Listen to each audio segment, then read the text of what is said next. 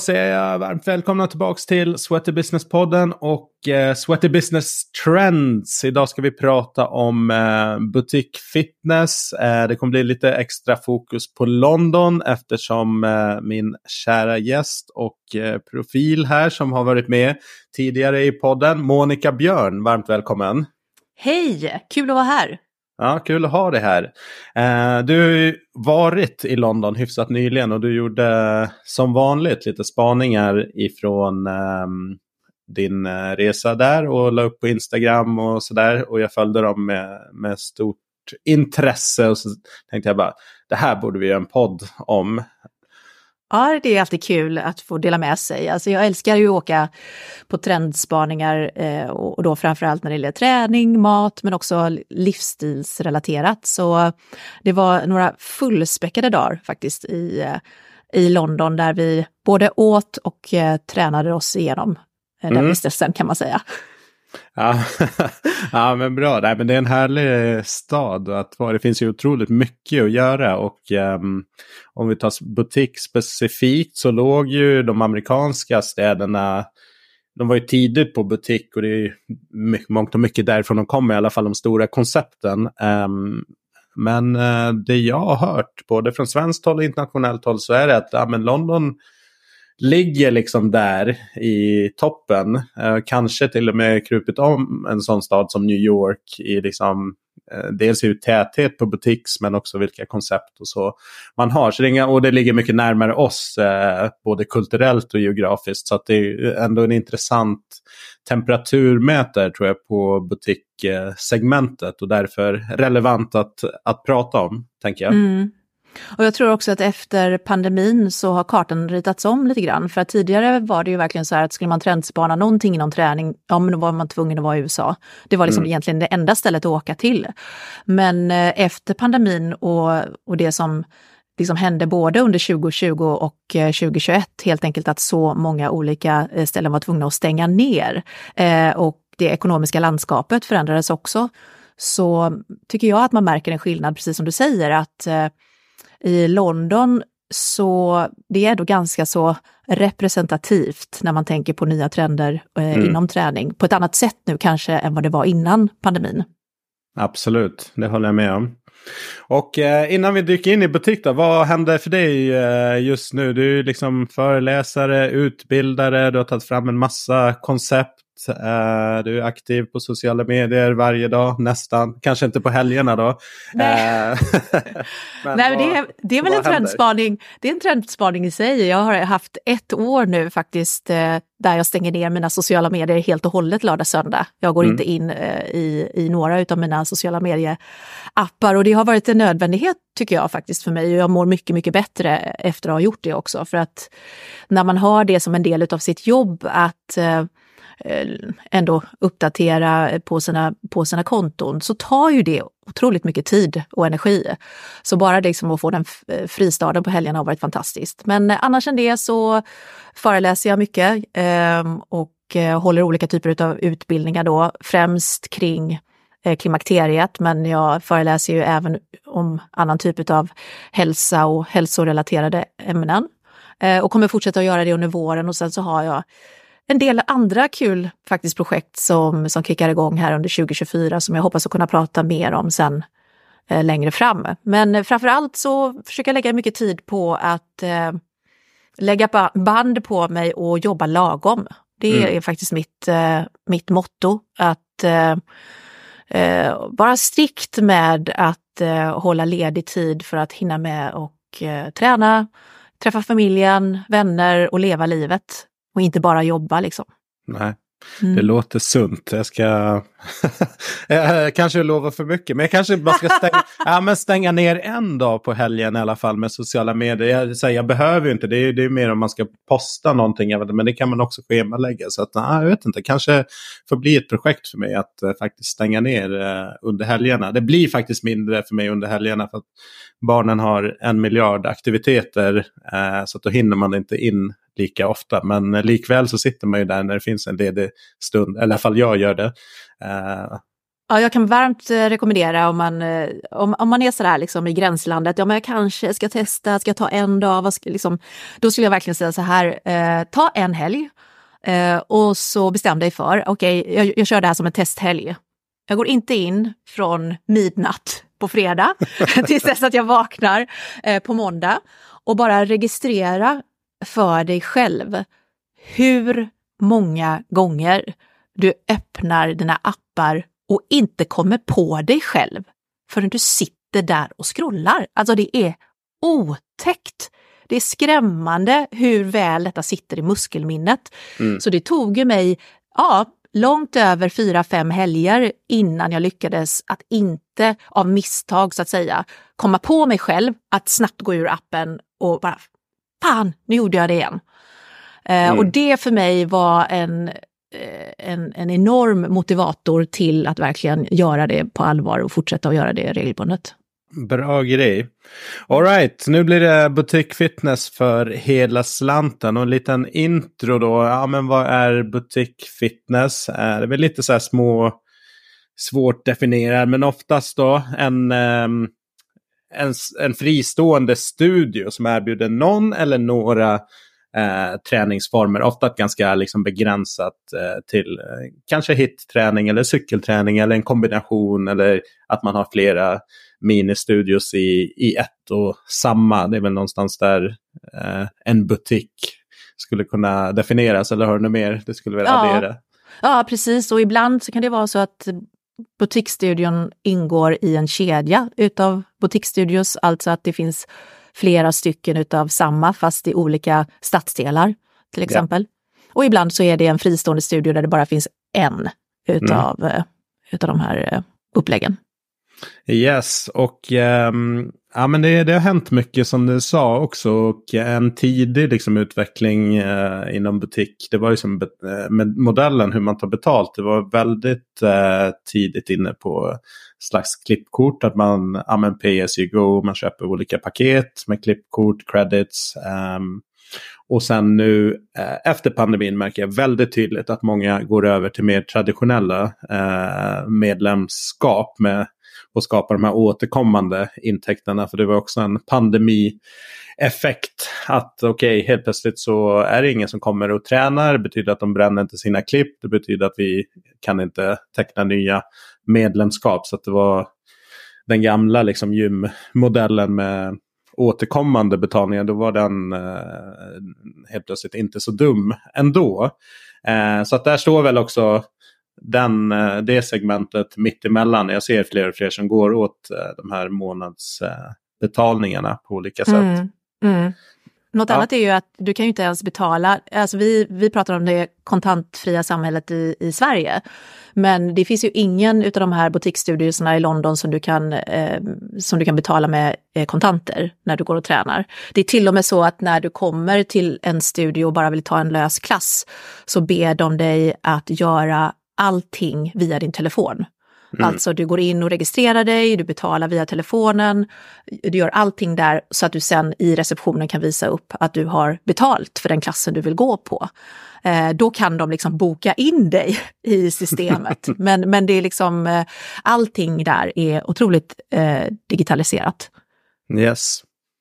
Och så tänkte jag, vi, för att introducera lite mer då, så finns det en årlig återkommande rapport om Londons butikmarknad som heter London Boutique Studio Report. Jag tyckte det fanns ganska mycket intressanta findings. Den här kom ut, kom ut i slutet på 2023, så den är ganska färsk. Um, och då eh, en sägning där att fitness boutiques can claim responsibility for driving a lot of emotional and financial value into group fitness experiences over the last 15 years, säger Emma Barry som är stor inom uh, butik och det kan man verkligen eh, säga. Eh, det är också en utmaning från traditionella gruppträningen att butik uppade upp hela upplevelsen, liksom hur klasserna presenteras, eh, hur salarna ser ut, mycket mindre, eh, mer utav en upplevelse snarare än den liksom, traditionella gruppträningen, liksom ett upplyst sal med 50 pers som gör samma grej i takt till musik och sådär. Så där har det hänt eh, jäkligt mycket. Och, eh, ja, och prismodellen gjorde också att de kunde ta mycket mer eh, betalt eh, från eh, vad traditionella gym har kunnat gjort tidigare. Men sen fortsätter hon då. However, man, my unbridled pre-pandemic optimism has been tempered and I now have a more balanced view. It now feels like a tough sector. Uh, what is now clear is that class packed based model is not the path to business sustainability. Neither can you rely on brand alone to drive customers. This is a big challenge for the boutique sector, which is having to explore recurring membership models to support its commercial success in this new era. Så då är vi inne liksom i den här, okej, okay, det, det som funkade innan pandemin, eh, inte alls eh, på samma sätt eh, längre. Och eh, det räcker inte enbart med liksom att ha ett häftigt brand och sådär och folk kommer komma springandes eh, till studierna. Nej, precis. Um, och då nämner de ju bland annat då att Big Box Gym, alltså det vi Sats, Nordic Wellness och liknande, eh, full service, har ju fattat att det här är ju en grej och anpassat sig. Precis som man gjorde med Crossfit när den kom. Eh, mm. Så byggde man helt plötsligt funktionella ytor som kunde möta upp de som var intresserade av den träningen men som inte var hardcore och ville liksom tävla och äta, sova, dö, crossfit dygnet runt. Mm. Så det blivit lite samma med butik, att nu kommer det ju mer studios i gymmen eh, på olika sätt. Eh, så där har ju blivit en, eh, en konkurrent för, för butiksen. Och ehm, ja, ofta stora gymmen ligger på bra locations och där har hyfsat lätt ofta att bygga till sig en studio och göra något slags koncept som ändå kan, kan möta vissa personers behov av den här butikupplevelsen. Precis, och sen får man ju inte glömma av den ekonomiska situationen för många människor nu också som har blivit tuffare de senaste åren, vilket då gör att man har kanske inte den friheten längre att både ha ett gymkort och eh, även springa på massa olika boutiqueklasser mm. där man har credits eller points eller vilket system man nu använder, som man kanske hade förut. Eh, och jag tycker att i, i London nu så var det framförallt eh, uppenbart tyckte jag på, på yogasidan där det har funnits ganska många olika ändå eh, ska säga, mindre yogastudios eh, som har överlevt väldigt länge. Några av dem har ju funnits liksom i långt över 10-15 år. Mm. Eh, men där man har dragit ner eller helt enkelt behövt stänga igen. Därför att yogatrenden, om vi ska då kalla det för en trend, har ju funnits så pass länge. Så att där har ju de stora kedjorna eh, hakat på. Men nu då lyckats få över väldigt många, ska vi säga, kanske tidigare, inte kanske de mest inbitna yogisarna, men yoga har blivit så pass folkligt nu att man räknar med att det ska finnas på det gym där man har medlemskap. Mm. Så det tycker jag var väldigt, väldigt tydligt för att jag har sett, sett egentligen för, för varje besök som jag har gjort i London att det finns färre och färre oberoende eh, yogastudios kvar. Eh, och jag såg också att de som finns kvar, en av de största ska vi säga, kommersiella kedjorna i i London är ju Tryoga eh, och de fanns ju inne i Soho förut. Eh, och de har stängt sin studio i Soho, eh, men de har inte fått färre studios, men däremot så har de flyttat ut då och öppnat nya studios mer, vad ska vi kalla i, inte i förort, förorter, men precis i nästa led utanför riktigt ja. centrala eh, London och helt enkelt då flyttat ut närmare dit folk bor, mm. eh, får jag känslan av. Um, och det är också intressant att se att eh, de, som, de butiksstudios som hänger sig kvar, det är de med stora plånböcker. Så det är Barry's, det är Cycle, eh, eller Psycle och eh, Rebel One till exempel, mm. eh, som jag vet liksom, de har stora ekonomiska muskler bakom sig. Men där är också frågan, de drar ju väldigt stora lokaler. Det är spektakulära lokaler, det är mycket yta, eh, det är stora receptioner eh, och, och, det är inte helt lättjobbade ytor heller. Eh, och klasserna är, om ens halvfulla. Mm. Alltså hur bedriver man en ekonomisk vinst i det mitt i centrala London? Det går ju inte. Så att det, är också, det tror jag också är liksom en tidsfråga. Hur lång är uthålligheten i de som finns kvar? Mm.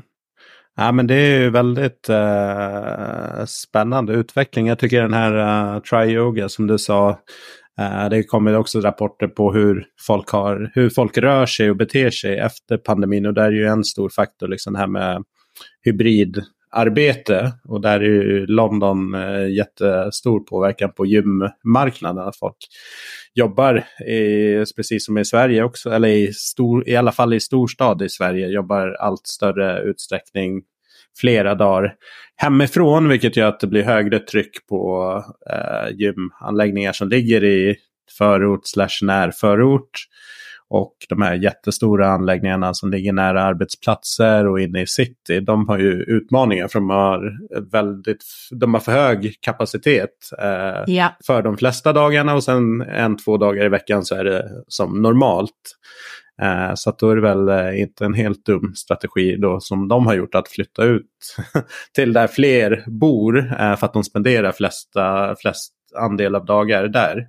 Mm, mm, ja, men precis. Och, och tittar man då på liksom vad den stora trenden är inom både butik men också gruppträning i stort så är det ju eh, samma i, eh, i Storbritannien som det är i USA och det är, liksom, det är pilates, för mm. hela slanten. Och det är alla möjliga typer av pilates. Det är matt-pilates, det är reformer-pilates och så den nya stora flugan vilket är wall pilates, när man gör pilates vid en vägg. Och då är min nästa fråga till det då, för att alla som har varit på en reformer-klass eller någon typ av reformer-klass och det är egentligen för de, den som inte är insatt i, i pilatesvärlden så är det pilates på en speciell maskin och den kan se lite olika ut eh, utifrån vilken stil och vilket varumärke man man, tränar för. Men de här maskinerna då som man tränar för, de är ju väldigt skrymmande. Mm. Alltså de kräver, mycket ut, de kräver otroligt mycket utrymme och det är jättemånga olika saker att hålla reda på i inställningarna i de här maskinerna. De kräver ofta ett par speciella sockor som man kan köpa för jag vet inte hur många pund i receptionen. och eh, det är ju begränsat då. Det är begränsat både i maskinpilates och det är begränsat i wall pilates, hur mycket vägg du har för varje medlem. Mm. Så det är ytterligare liksom ett, eh, en typ av koncept som jag liksom kliar mig lite grann i huvudet på och försöker göra matten på den här då. Liksom, hur är det möjligt att man kammar hem den här investeringen som är både i att köpa maskinerna, i hyran, i ytan som går åt då. Alltså du hade behövt ha en klass i timmen dygnet runt liksom, för att kunna ja. täcka vad kostnaden är i centrala London. Så det är också väldigt, väldigt intressant. Och det ser man ju också att många av de eh, butikgymmen som kanske är struggling, som, som kämpar lite grann, ja, men då försöker man liksom trycka in lite pilates också, även fast det kanske inte var någonting som var med i ens originalidé, eh, just för att desperat liksom hänga på den senaste trenden. Liksom. Mm. Men eh, vad kan man säga någonting om prisbilden? Nu är London, det är en jättedyr stad och real estate är en helt annan nivå, men vad, per månad eller per klass? Har du någon uppfattning? Det beror ja. väl säkert på vilken typ av träning du gör. Men... Precis, men jag skulle säga vissa studios har ju då ett, eh, så här att ingen har testa, för, testa gratis. Nej. Eh, utan det är, eh, vissa studios har däremot så här att du kan köpa tre klasser för ett mer förmånligt pris. eller du kan köpa sju dagar i sträck till ett mer förmånligt pris. Men jag skulle säga att, att snittpriset för en lös klass, om du inte liksom är en fast eh, återkommande eh, kund där, startar nu runt 30 pund och uppåt. Ja. Mm. Eh, intressant är ju att, att jag äntligen, äntligen fick gå på ett koncept som jag egentligen ville gå på redan förra gången jag var i London eh, och trendspanade. Och det är en, en studie som ligger i, i Victoria-området, väldigt centralt då i, i, i London. Och den studien heter Remind och det är en meditationsstudio.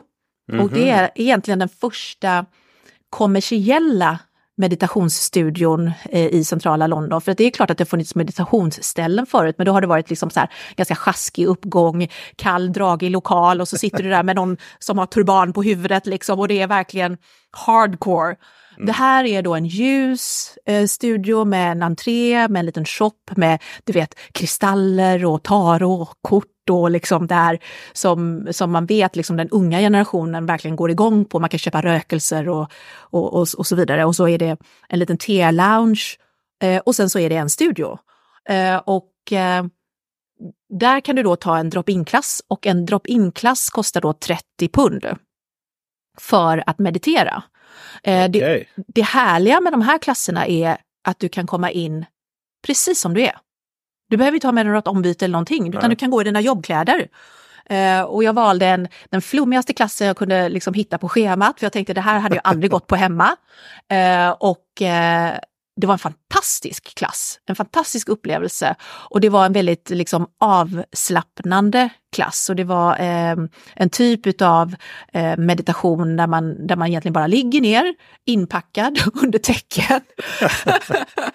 och, och lyssnar på så här när, när, när läraren spelar på sån här eh, bowls, skålar, yeah. som gör sådana här speciella ljud. Och så ligger man där någonstans mellan vakenhet och sömn. Jag fick liksom klappa på min man några gånger, så här, dunka på honom lite grann för han börjar snarka. Typ på den nivån. Eh, och det betalar folk gärna 30 pund för. Ja. För att gå in och få den här djupavslappningen mitt i the hustle and bustle in the big city. Och den studien har ändå, det här är, jag tror om jag inte minns fel, den har funnits i runt tre, de öppnade precis under pandemin. Så 2024 är det fjärde året och de har ändå överlevt. Mm. Och de tar inte mer, jag menar vad kunde vi få plats där inne? Kanske att vi fick plats 15 personer kanske. Ja, 20 på sin höjd. Mm. Så det var väldigt intressant att se, liksom. men det är ju någonting som jag tror skulle vara väldigt svårt att få att överleva ens kanske i Stockholm. Jag vet inte, men, men eh, det är ju de priserna man behöver ligga på eller mer för att liksom få det att, att, att gå runt. Nej, superspännande. Det är ju... Eh, jag var på en sån där sound healing klass. Eh, det var på ett event som Fitbit hade, men då körde vi en, vad kan det ha varit, 20 minuter eller någonting. Men det är ändå fascinerande hur eh, avslappnad man hinner bli på så kort tid. Eh, och i USA så har man ju sett i storstäderna olika typer av meditationskoncept och återhämtningsställen har ju ökat väldigt mycket. Men mm. som sagt, jag, jag tror som dig att mm, Stockholm, jag vet inte fasen alltså om det hade ens flugit där än. Det kanske är för tidigt på något sätt. Ja, kanske för tidigt, kanske för få människor, men det är ändå någonting som det är någonting i det. Jag ser ju också trenden. Um, vi var då på Tryoga och uh, tog även en klass där. Och uh, när jag tittade på schemat och skulle boka in oss, då var det ju, det var inte ens halvfullt på klasserna. Men just den här klassen som vi bokade, den var full. Eh, och full, fullbokad då, det var, då var vi eh, runt 25 personer i den salen, plus några personer online, för de körde fortfarande hybridklasser. Där ja. det var en kamera inne i studion som var riktad på, på läraren. Och det var faktiskt den, den klass på schemat som i text var förklarad som egentligen den mest basic yogaklassen på schemat just den dagen och det här var på en helg dessutom. Mm -hmm. Och det var också väldigt intressant därför att om man tittar tillbaks till kanske en, för en 8-9 år sedan, då skulle det vara mer och mer och mer och mer så kallat det som folk i allmänhet uppfattar som avancerad yoga. Alltså göra en kringla utav dig själv, stå yeah. på händer, hela den här grejen. Medan nu var den mest bokade klassen den som var enklast. Mm. Och den som då också marknadsförde sig med en lång avslappning på slutet. All right. Ja, men det säger väl någonting och jag tror också det är lite förbannelsen för branschen och folk som är verksamma. Man blir lite trött på att man har gjort samma grejer och så vill man avancera, avancera, avancera. Och sociala medier ska vi inte ens snacka om för att sticka ut så görs det mer och mer avancerade saker eller mer och mer utmanande också. Det är väldigt liksom, eh, det är väl ingen trend men det är väldigt liksom naket generellt sett tycker jag och särskilt inom yogasfären tycker jag är snabbt tangerar annan typ av content liksom, när man tittar. Och så, så här, är det det som krävs för att sticka ut liksom, när kanske konsumenten i sig, den som är beredd att betala för det går, den vill ha någonting mycket enklare som går att göra och som de inte behöver tänka på eller prestera så här jättemycket utan eller man kan hur? vara med utan att känna sig dålig. Ja, och det ska bli väldigt intressant att se liksom, när börjar den pendeln liksom svänga tillbaks. Därför att um, om, om vi bara liksom avrundar det med pilatesdelen så var det väldigt intressant att man försöker sticka pilates liksom, man försöker sticka in pilates lite både här och där för att locka kunder Eh, och liksom desperationen i att, att hänga med i det senaste. Eh, och den här trenden mot det lugnare, mer meditativa och sen så har vi liksom ytterligheten åt andra hållet. Eh, vilket vi även ser här i, i Sverige och det är det eh, tyska, va? om jag inte eh, missminner mig, eh, konceptet Hyrox, mm. som också syns i, i, i, i London, men då på gymmen och där eh, gymmen liksom marknadsför, åh vi är ett gym som har, som har Hyrox, eh, eller Hyrox, hur man ja. nu vill uttala det. Um, så det är ju verkligen så här att vi har de två ytterligheterna, men där är ju, det där vad jag tycker det är intressant med, med, med Hyrox eller Hyrox, det är ju liksom att det är mer konditionsbaserat. Om vi, då jämför, om, om vi då jämför med trenden som var med, med, med Crossfit för mm. ett, ett ögonblick sedan, är det ju, känns yes. det som. Men, men, även, men även vissa utav eh, eh, hitklasserna har ju dragit mer mot liksom styrkeuthållighet, men här har vi någonting som känns liksom mer klockrent cardiobaserat. Mm. Nej, men det är ett intressant koncept som har lyckats locka en del av crossfit-communityn och då kanske de crossfittarna som är mer konditionsstarka. Jag har inte sett att styrk, de som är starka styrka, liksom den styrke-crossfiten, den har inte jag riktigt sett ha hittat in till Hyrox. Och sen har du ju jättemånga typ triatleter, löpare som har hittat till eh, den tävlingsformen. Eh, såklart. Så att, eh, ja, men det är ett jäkligt intressant koncept som verkar växa och kommer fortsätta att växa. Nu kommer det ganska mycket prispengar också mm. inkluderat i det. Sen är jag alltid så här när det är privata. Eh, träningsformen hyr också liksom på gymmen, det är en sak. Sen, men sen är det så här tävling. Jag ser ju att det kommer ju en väldigt stark tävlingscommunity kring det. Och jag körde ju det eh, första racet här i, i Stockholm. Och eh, då har man sett, och jag har ju varit i kontakt med dem ganska mycket inför liksom sådär och pratat om konceptet. Och Antonia som är, som är ansvarig för det i Sverige och Norden, hon, hon var ju med i podden också. Eh, och då, jag fick mer en en familje, eller familjekänsla, nej men mer en, en, en tillgänglig känsla på förhand. Att alla kan vara med och liksom hela den här grejen. Sen på plats fick jag en helt annan vibe. Det var mycket män med bara överkropp, eh, korta shorts, eh, väldigt mycket testosteron, aura kring sig. Prestation, prestation, prestation. Sen var det ju såklart jätteblandat på folk som, som deltog. Men jag tror så här, för de hyr också kanske det, så de inte hamnar i crossfit-fällan, att det blir för hög nivå på det där till slut och det blir liksom en tävlingssport och sen har du hela motionärsdelen, att man inte eh, sabbar den för mycket. Det är ju en, mm. när man ska kombinera liksom sport och motion så, så, så det är ju en balansgång där. Men som sagt, det var flera andra där som kände att, åh jäklar, det här var ju jäkligt uppumpade, alltså mentalt, människor som var där och liksom bara tokfokuserade på tävlingen. Ja, det ska bli intressant att följa det.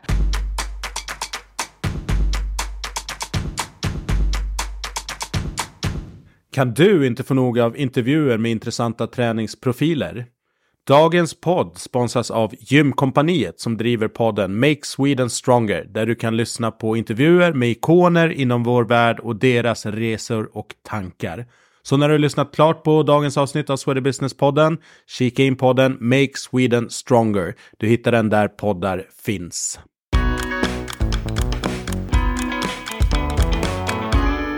Och jag tror att eh, i, i, i takt med den framväxten, men också vad du nämnde förut, vilket eh, jag tycker också att man kan se tydligt i Sverige, just det här med hur de stora kedjorna blir bättre på att göra inbyggd boutique fitness på sina egna ytor, på, på, befintliga ytor. Det kommer ju på bekostnad av koncept som till exempel F45, till exempel, där, som, som också syntes i, i eh, i London att det var eh, enheter som hade behövt stänga ner sen jag var mm. där sist. Eh, och jag skulle egentligen säga då, liksom kanske för att avrunda just eh, ehm, vad jag kunde se i, i London den här omgången, att av de boutiquekoncept som har överlevt allra bäst så är det de som har nischat sig hårdast. En, en faktiskt kedja, för de har mer än, än, ett, ett, än ett ställe, heter Frame eh, som i tavelram, eh, Frame. Och eh, Frame, eh, deras eh, de är ganska hårt nischade mot dans. Alltså okay. de erbjuder även yoga och de erbjuder ett kampsportkoncept. Och de har en klass som påminner om pump. Men det är bisak, och de har även pilatesklasser såklart då. men men det, det som har gjort dem kända egentligen är eh, danskoncepten där de kör 80s aerobics och de kör MTV dance eh, och, och, de kör liksom Beyoncé Friday och lite sån här, lite, lite sån här kul koncept. Eh, och, och, när jag var där och eh, tränade så, så är det ju liksom verkligen eh, absolut mest kvinnor.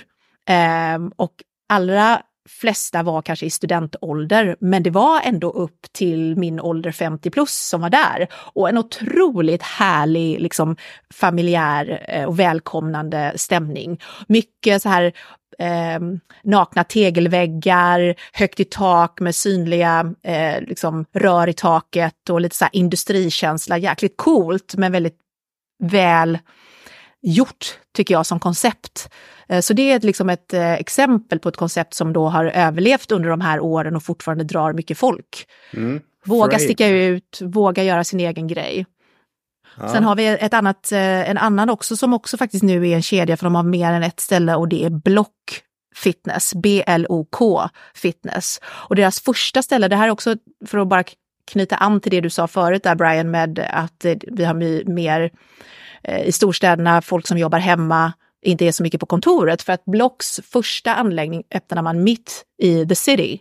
Eh, och eh, när de har öppnat fler anläggningar så har de flyttat ut sina anläggningar till där folk bor. Mm, yeah. Och de är också väldigt specialiserade, har så här, såklart coola namn på sina klasser, men de har, de har också stenhårt nischat sig. De är liksom egentligen den enda butik-fitnesskedjan som kör eh, det som vi såg för några år sedan som vi kallar för movement.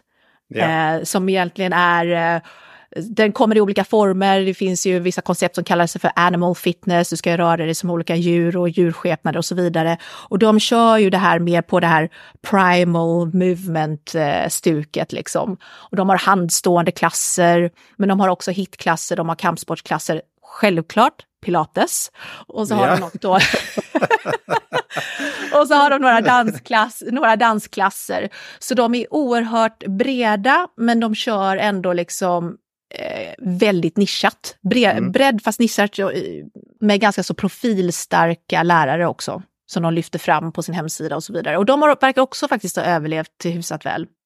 Mm. Ja, men apropå pilates, det är jättekul för att jag vet ju flera gymkedjor som såklart kika på. Så att bli inte förvånad om det till hösten eller senast till januari 2025 så finns det både megaformers och väldigt stort pilatesutbud på, även på de vanliga gymmen såklart. Ja, det ska bli jättespännande att följa.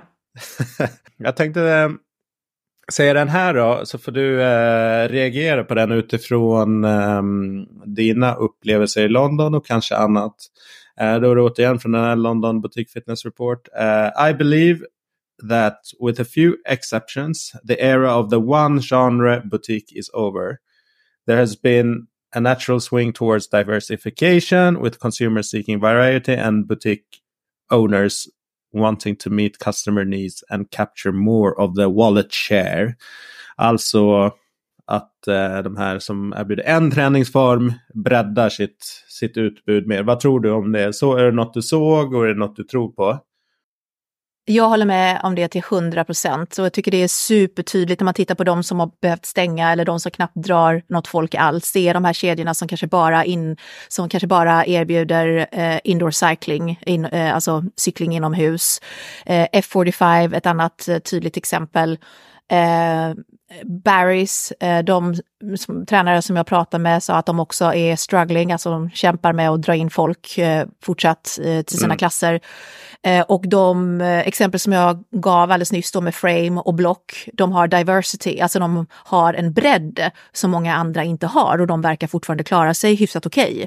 Mm. Så att eh, jag tycker definitivt att det, det ser man väldigt tydligt när man är där.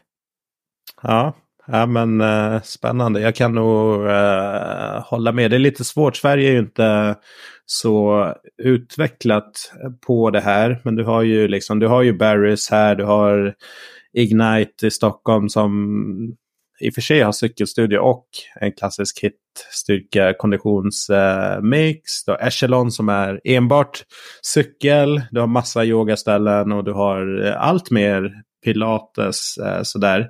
Och sen har du B-core som har eh, pilates, de har cykling. De är väl lite mer så här eh, fler modalities som amerikanerna säger, alltså träningsformer som de erbjuder. Så vi får väl se den eh, utvecklingen här. Eh, men vi, jag tror en, liksom, om vi går in på Sverige då, en, en utmaning tror jag för butikmarknaden, det är nog att vi har väldigt bra och ny, nytänkande, men gymkedjor i alla fall som är snabba på att anpassa sig efter ut, vad folk vill ha för någonting och liksom skapa de koncepten inhouse. Mer eller mindre snabba. Men eh, så det, det tror jag också så här, kanske en, eh, har gjort att inte butikmarknaden exploderar på samma sätt i Sverige. Sen är vi mycket färre människor ska sägas också som också är en utmaning tror jag för det här segmentet. Mm, men jag, tror, jag, jag, tycker, jag tänker att du har helt rätt i det. Uh, tittar man på de stora kedjorna idag så, så är ju Sverige i framkant med att hoppa på, precis som vi alltid har varit. Att mm. vi är otroligt snabba på att hoppa på nya trender. Och det får man ändå säga liksom till eh, de två, tre största kedjorna i Sverige att ja, de, de är otroligt liksom, trendkänsliga i det. Eh, och eh, håller absolut med dig om att vi kommer redan nu till hösten se, tror jag, en, en stor liksom, omvandling av mycket yta och eh, nya typer av klasser som kommer kanske följa det här som vi har diskuterat här idag. Liksom. Eh, kanske då att det blir ett eh, överslag på olika typer av pilates även här i Sverige, vem vet? Det, det tror jag alldeles säkert, det kan vi redan nu fastslå. Ja. så det kommer en tidig trendspaning inför 2025, så den kommer nog inte ens med på min eventuella trendspaning inför 2025. Nej, eh, nej men så, så är det.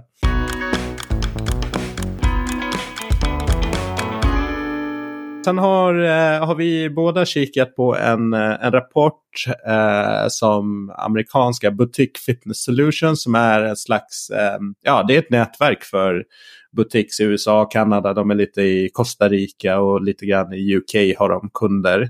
Eh, men jag tyckte det var intressant om vi liksom kollar på utmaningar för eh, då har de intervjuat, eh, gjort en survey på butikfitnessägare.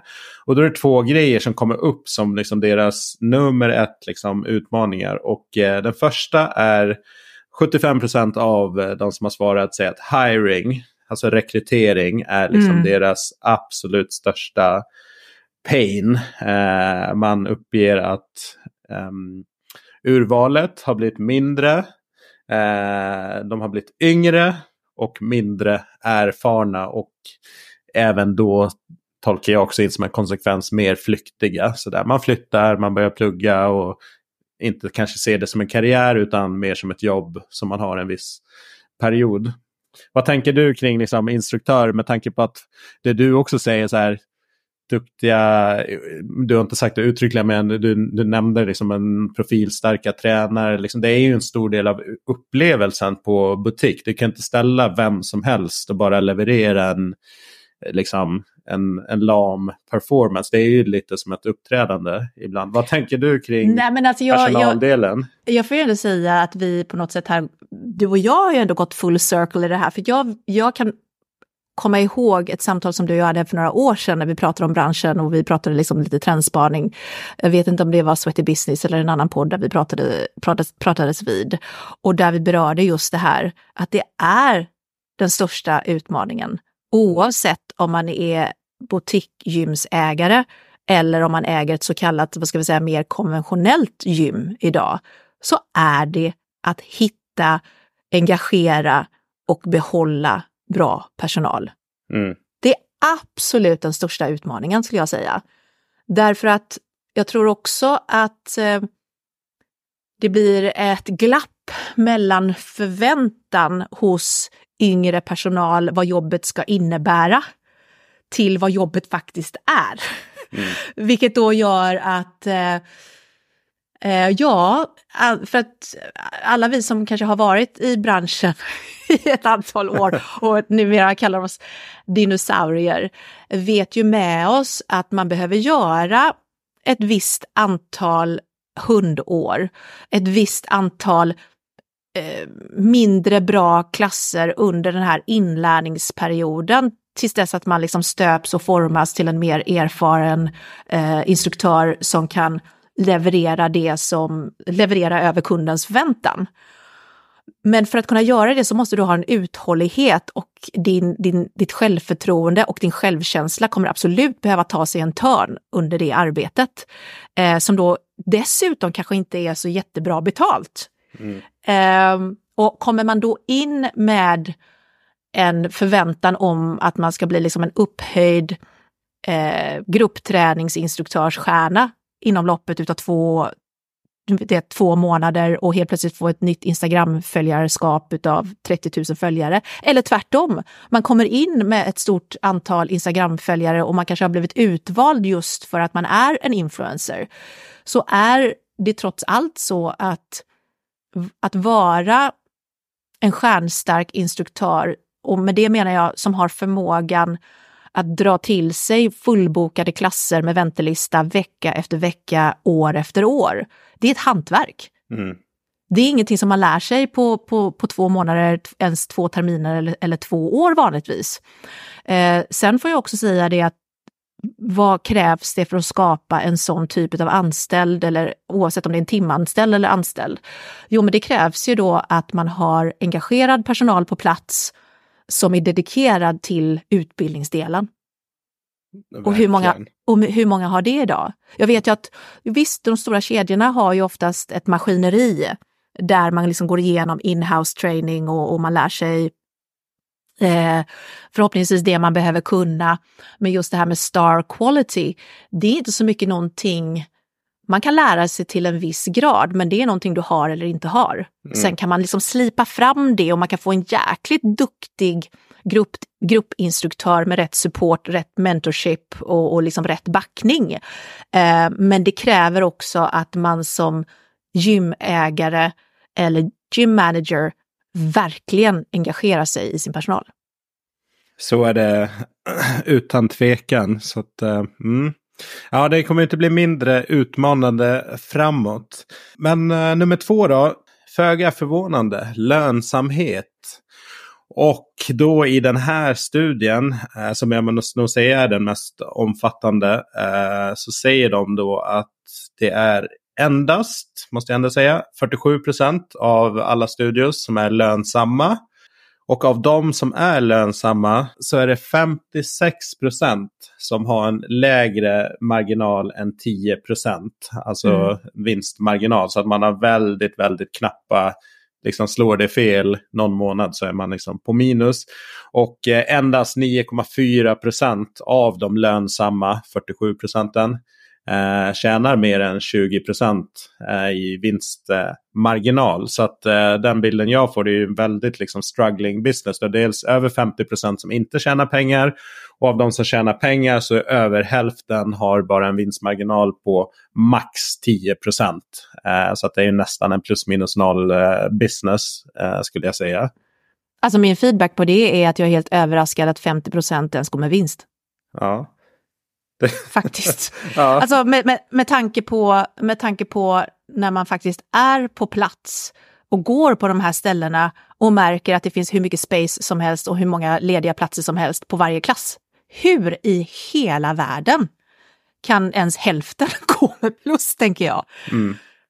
Nej, det har du nog rätt i och det snackade de om också i den här London-rapporten att det har blivit eh, en överetablering på, på många ställen. Och dels för många enskilda butiker och sen har det många big box som har eh, tagit fram koncept. Så att det, det, finns inte tillräckligt mycket människor helt enkelt och sen, eh, det var de här två då, rekrytering och lönsamhet. Och sen hade, fanns det två stycken tydliga liksom, utmaningar också. Det var client acquisition och eh, en growth strategy, alltså hur man ska växa sin, sin business som var liksom topp fyra. Så det är, det är ju en tuff eh, marknad. Jag tycker den här inledande som Emma Barry sa att ja, men, nu efter pandemin så är det en annan. Det är en jäkligt tough space att driva en en butik. Och det som såg så himla lovande ut innan pandemin. Det var helt nya affärsmodeller. Soulcycle tog 400-450 spänn per klass och liksom var en framgångssaga. Eh, jag tror att de tjejerna de sålde det i rätt tid innan pandemin. Det kan man verkligen säga att de gjorde, ja verkligen, fingret på pulsen där för dem. Eh, och eh, alltså, för att det är egentligen bara att tänka på vad vi ser på, på Big Corporate Fitness, alltså på de stora gymkedjorna. Eh, även de eh, tittar ju över hur kan vi använda alla de här kvadratmetrarna på ett bättre sätt. Hur kan vi få mer lönsamhet per kvadratmeter yta. Och då eh, har ju de ändå, jag är krokar i luften, eh, en gymyta som förhoppningsvis ändå används även, eh, vad ska vi säga, mer off-tider, även om det inte är fullt en, en tisdag förmiddag till exempel på, på, på gymmet. Men, men tittar man då på cykelsalen Eh, nu, jag är ju jätteglad att indoor cycling fortfarande har överlevt och fortfarande liksom är en, en, eh, en måste ha-vara om du öppnar ett större gym. Men det kanske är max tre cykelklasser per dag. Mm. Alltså det är ganska många timmar eh, under öppettiderna som den då står tom. Bättre är det ju då för multisalarna och vi, har, vi ser ju det att både Friskis och Svettis och, och Sats och andra stora aktörer flyttar ut, eh, även Actic flyttar ut mängder med klasser ut i gymytan till exempel för att få mer, få mer drag i gymmet. Eh, sen har vi ju liksom de här salarna då som används för multisalar där man kan kanske både köra yoga och dans och step och bodypump och lite andra saker liksom. Men, men det är en jätteutmaning redan för dem som är etablerade och även kan erbjuda andra saker. Så att herregud, boutiquegymsyta, tufft alltså. Mm. Nej, det är super, eh, supertufft och jag tror eh, som det är att cykelsalarna är under starkt hot nu framöver. Jag vet flera som inte kommer bygga särskilt mycket cykelsalar förut, fram, framöver kan jag säga. Nej, det har väl antagligen gett, varit mycket mer eh, värdefullt för gymägarna då att ha en yta så som det var faktiskt på vissa gym när, när cyklingen kom. Då var det vissa gym som, som inte hade resurserna eller ytan att bygga en cykelsal. Så då mm. ställde man cyklarna i en del av gymmet. Och så, byggde man, så investerade man istället i en ljudanläggning som var riktat ljud eh, just kring cyklarna. Och det är väl någonting som jag skulle kunna se då skulle kunna vara ett sätt för att rädda indoor cycling. Och sen kanske till och med använda cyklarna i något slags multikoncept tillsammans med treadmills och, och annan träning. Liksom. Mm. Ja, men du, bra snack här om butik och även vi kanske avslutar just den delen. Jag har en, en sak till som jag vill ta upp, men det rör inte butik specifikt. Men, eh, nej, men även om det är en jäkligt tuff marknad, det, det går ju att göra. Jag kollade Barry's Nordic, eh, de, de gjorde ändå ett, ett plus, ett liksom hyfsat resultat. Och då sa Johan eh, som är vd, eller var vd, han är ju, kör ju en internationell expansion i Israel och Spanien och lite andra ställen med, med Barrys. Han har släppt över vd-skapet till, till eh, Kevin som driver det nu. Men han sa i alla fall till mig i samband med, jag frågade honom om deras årsredovisning, då sa han ändå att de hade tagit en hel del kost, nordiska kostnader och lagt på det svenska bolaget. Så det var ändå, vad kan det ha varit, dryga 22-25 miljoner i omsättning och eh, dryga 2 miljoner i, i vinst. Eh, om de dessutom har tagit en massa overhead-kostnader, säg att det kanske är 3-4 miljoner i vinst så ändå, då är de ju uppe kanske i de här 20 procenten i, i vinstmarginal som de bästa studierna i den här BFS-rapporten. Mm. Eh, men då har ett starkt varumärke och liksom trimmad organisation. Liksom Johan och gänget är ju jäkligt noggranna liksom, och är duktiga. Inom men jag tror också att de lägger, jag är glad att det går bra för dem, för att jag tycker att det ger en extra krydda till träningsvärlden att, att, det, att det faktiskt finns boutiquegym som överlever. Men vad, det jag vet om Barry så är de också hyfsat duktiga liksom på att, att både välja sin personal men också jobba med personalen eh, och liksom lyckas också bibehålla personal. Eh, så att jag tror att det är en stor del i deras, liksom då, om vi ska kalla det då för framgångssaga, om det fortfarande går bra för dem.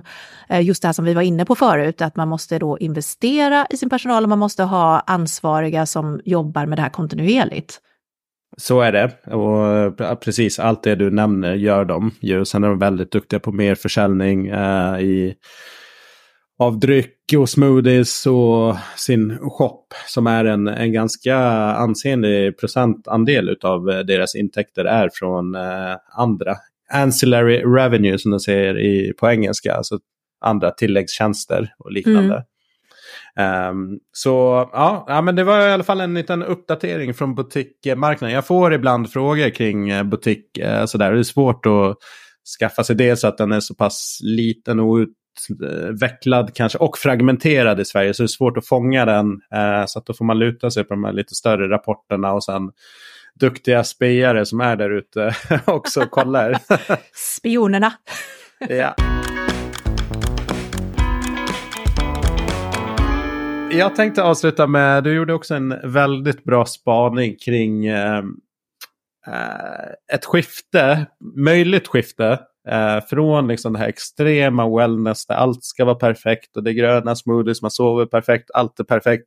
Optimering, man mäter allting och sömnen hit och dit.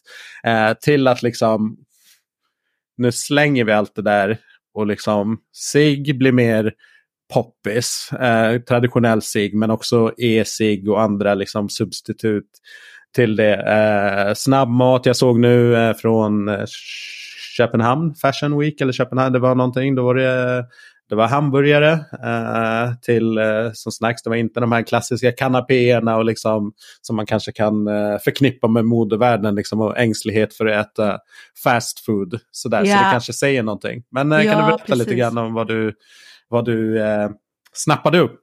Nej, men jag, det var också ganska så uh, uppenbart för att uh, vi pratade så vid, du och jag, uh, Brian, om den här artikeln som, som publicerades i, i brittiska L, mm. som frågade sig, ställde frågan Is wellness dead? tror jag rubriken var på den. Och där man precis tog upp det här med att är det så nu att pendeln svänger ifrån det här fokuset som har varit på den perfekta eh, bilden utav eh, having morning routines och du dricker din smoothie efter du har gått in powerwalk på två timmar och sen gör du din morning meditation där du liksom går runt med din rökelse och sen så skrubbar du dig i duschen i en halvtimme innan och så vidare och så vidare. Um, och faktum är att eh, det som är intressant då, som jag kan tycka med just trendspaningen när man är iväg själv, det är att man med egna ögon får liksom nosa sig till, stämmer det här eller inte? Och jag tyckte det var så uppenbart eh, under de här dagarna, för man, det jag la märke till var att eh, för några år sedan så var ju vego, vegotrenden var på väg upp.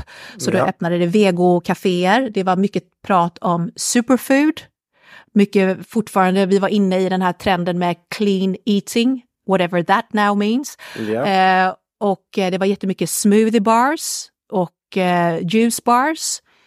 It's dead honey. Alltså mm. det är verkligen så här, det var inget ställe som skyltade med att de hade vego inriktning. Fast inget ställe som ens använde ordet superfood. Och det fanns inte liksom en smoothie bar att, eh, att, att uppbringa. Eh, utan eh, det som var väldigt tydligt var att comfort food is big.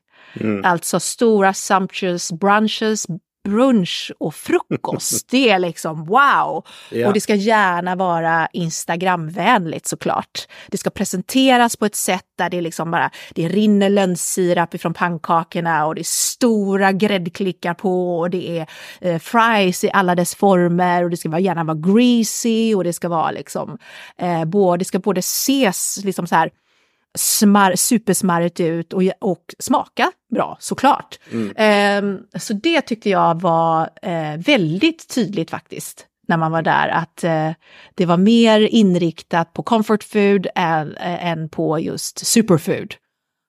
Ja, nej, det, det, det finns så mycket. Jag läste uh, McKinsey släppte uh, sin 2024 Wellness Report. Och då var en grej som de lyfte fram, det var det här att folk, uh, folk är trötta på att bli lurade.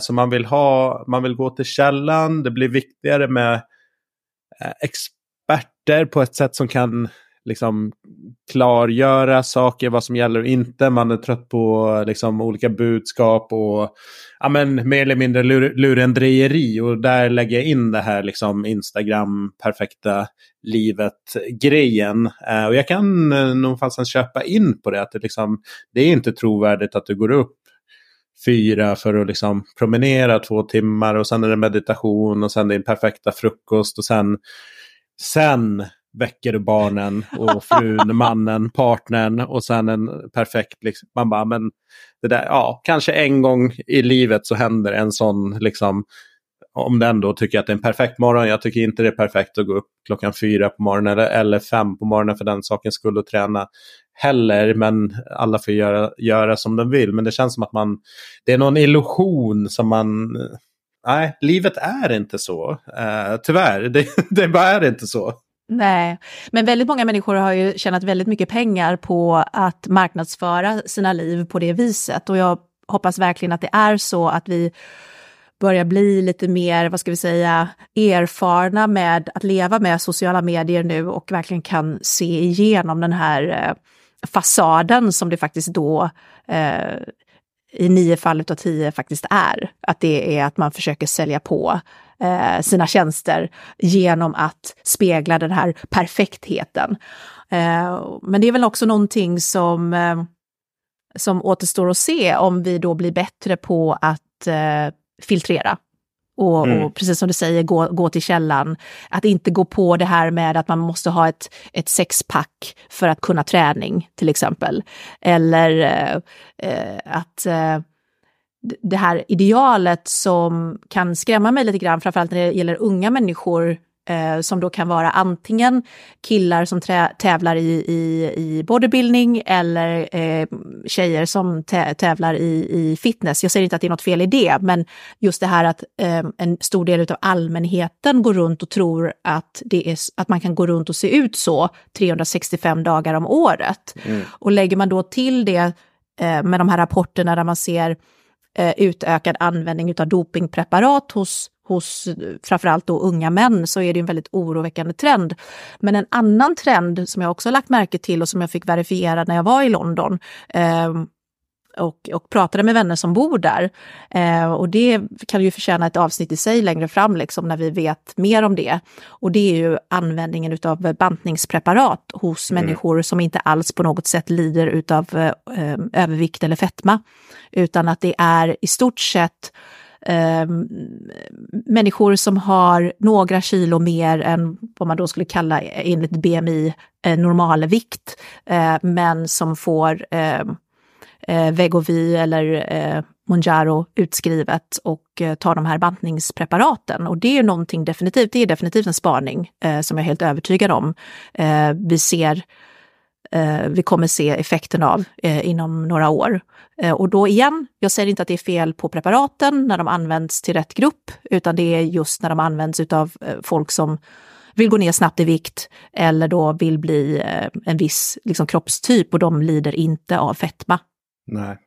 Nej, jag håller med. Jag tror... Eh, jag har absolut inga problem. De som är kroniskt sjuka liksom är så pass allvarligt inne i det som behöver det där. Det, jag har inga problem alls med det. Det är nog bara fördel att de, de kommer ner i vikt. Eh, men jag tror att det är för mycket kändisar och det är, så här, det är självklart läkemedelsindustrin marknadsför sig. Men liksom när Oprah Winfrey efter, liksom, hon har ju jujubantat hela sitt, sin karriär egentligen och sen går hon ut, då är det där kring jul eller innan jul, att ja, men då hon använt, hon sa inte vilket preparat det var liksom, men alltså, du kan inte få bättre marknadsföring, liksom, rakt in i, i målgruppen. Um, och det är så här, varför skulle hon säga det om hon inte hade något att tjäna på det? Så att jag blir så här, då använder man olika typer av marknadsföring för att få ut de här produkterna. Och säger man att det är till för folk som är kroniskt sjuka men egentligen är det så här. De, eh, de tjänar såklart massa pengar på att det finns en stor marknad och att just att efterfrågan är så hög, den är större än tillgången så blir det också en så här sense of urgency att hur får jag tag på det? Det blir liksom, det är ju en, eh, någon slags här det är en perfekt drog egentligen så här. Eh, som knark fast det är lagligt och eh, de tjänar jävligt mycket pengar på det. Så att vi får se vad utvecklingen blir på det. Som sagt, jag tror att det, det där kommer användas av väldigt många som egentligen bara vill ha en shortcut. Och jag, jag jag synar lite bluffen på det här att folk är trötta på att bli lurade. Jag tror folk blir trötta på att bli lurade för att det inte, var, det inte hjälpte dem. Folk vill ha enkla vägar ut ur saker. De är inte beredda att göra jobbet eller förändra sitt liv. Kan de ta en spruta en gång i månaden eller en gång i veckan till och med. Eh, och förmodligen då i framtiden kanske det kommer bli piller eller att man dricker eller någonting och då kommer det bli en, ännu enklare. Folk kommer välja den vägen, 100 procent. Mm. Ja, och det ska, precis som du säger, det ska bli oerhört intressant att följa den utvecklingen, för den utspelas ju nu i realtid. Mm. Ja men bra, bra. Ehm, um, Wellness-pendeln eh, uh, svänger tillbaka. Vi får väl se då vad som händer. Det dyker ju alltid upp nya, nya grejer. Men blir det en trend så blir det en mottrend. Och jag, om man kopplar det här, jag tror jag pratade om, också om det i vårt uh, trendavsnitt som jag Norberto pratade om kring jul och nyåren släpptes i, ja, i, för, i första veckan i januari. Att i design så har mycket gått från minimalistiskt till att man ser varumärken nu det ska vara mycket färg, många färger, kringelkrångliga loggor liksom, som kanske inte alls längre är så webbvänliga och så vidare. Så att det verkar också liksom designen verkar gå åt det hållet från det här väldigt avskalade och liksom vitsvarta till att boom så kommer färgexplosionen. Eh, Spotify är ett sånt exempel som jobbar liksom med extremt mycket färger och sticker ut på olika saker. Så att det, det kanske hänger ihop också med en allmän trend att gå ifrån det här minimalistiska till, till någonting som är väldigt loud. Ja, det tror jag säkert. Och också att vårt attention span, vår uppmärksamhet, eh, det, det, är svårare och svårare för varje år som går att fånga den. Och då tar man till eh, desperate measures, så att man blir i desperation. Så går mm. man på det här med det större, mer skrälliga, eh, det mer liksom pråliga för att försöka att få kundens och klientens uppmärksamhet lite, lite längre. Ja men du, är bra Monica. Vi är sen uppe i redan en timme.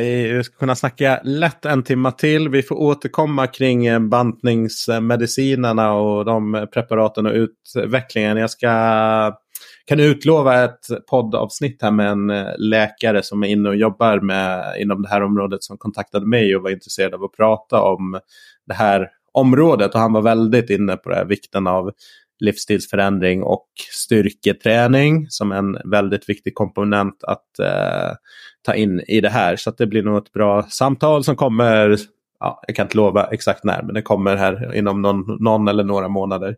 Jättebra. Eh, du, om man vill eh, följa dig, är det... Monica Björn på, på Instagram. Eller om man vill läsa mer om mitt jobb med klimakteriet så är det stark genom klimakteriet också på Instagram. Det är definitivt där jag är mest aktiv på de två kontona. All right, stort tack Monica. Stort tack till dig, alltid kul att pratas vid. There's a place that I go every time that you're in town. It's just me in my nights, in my sun. And it's true,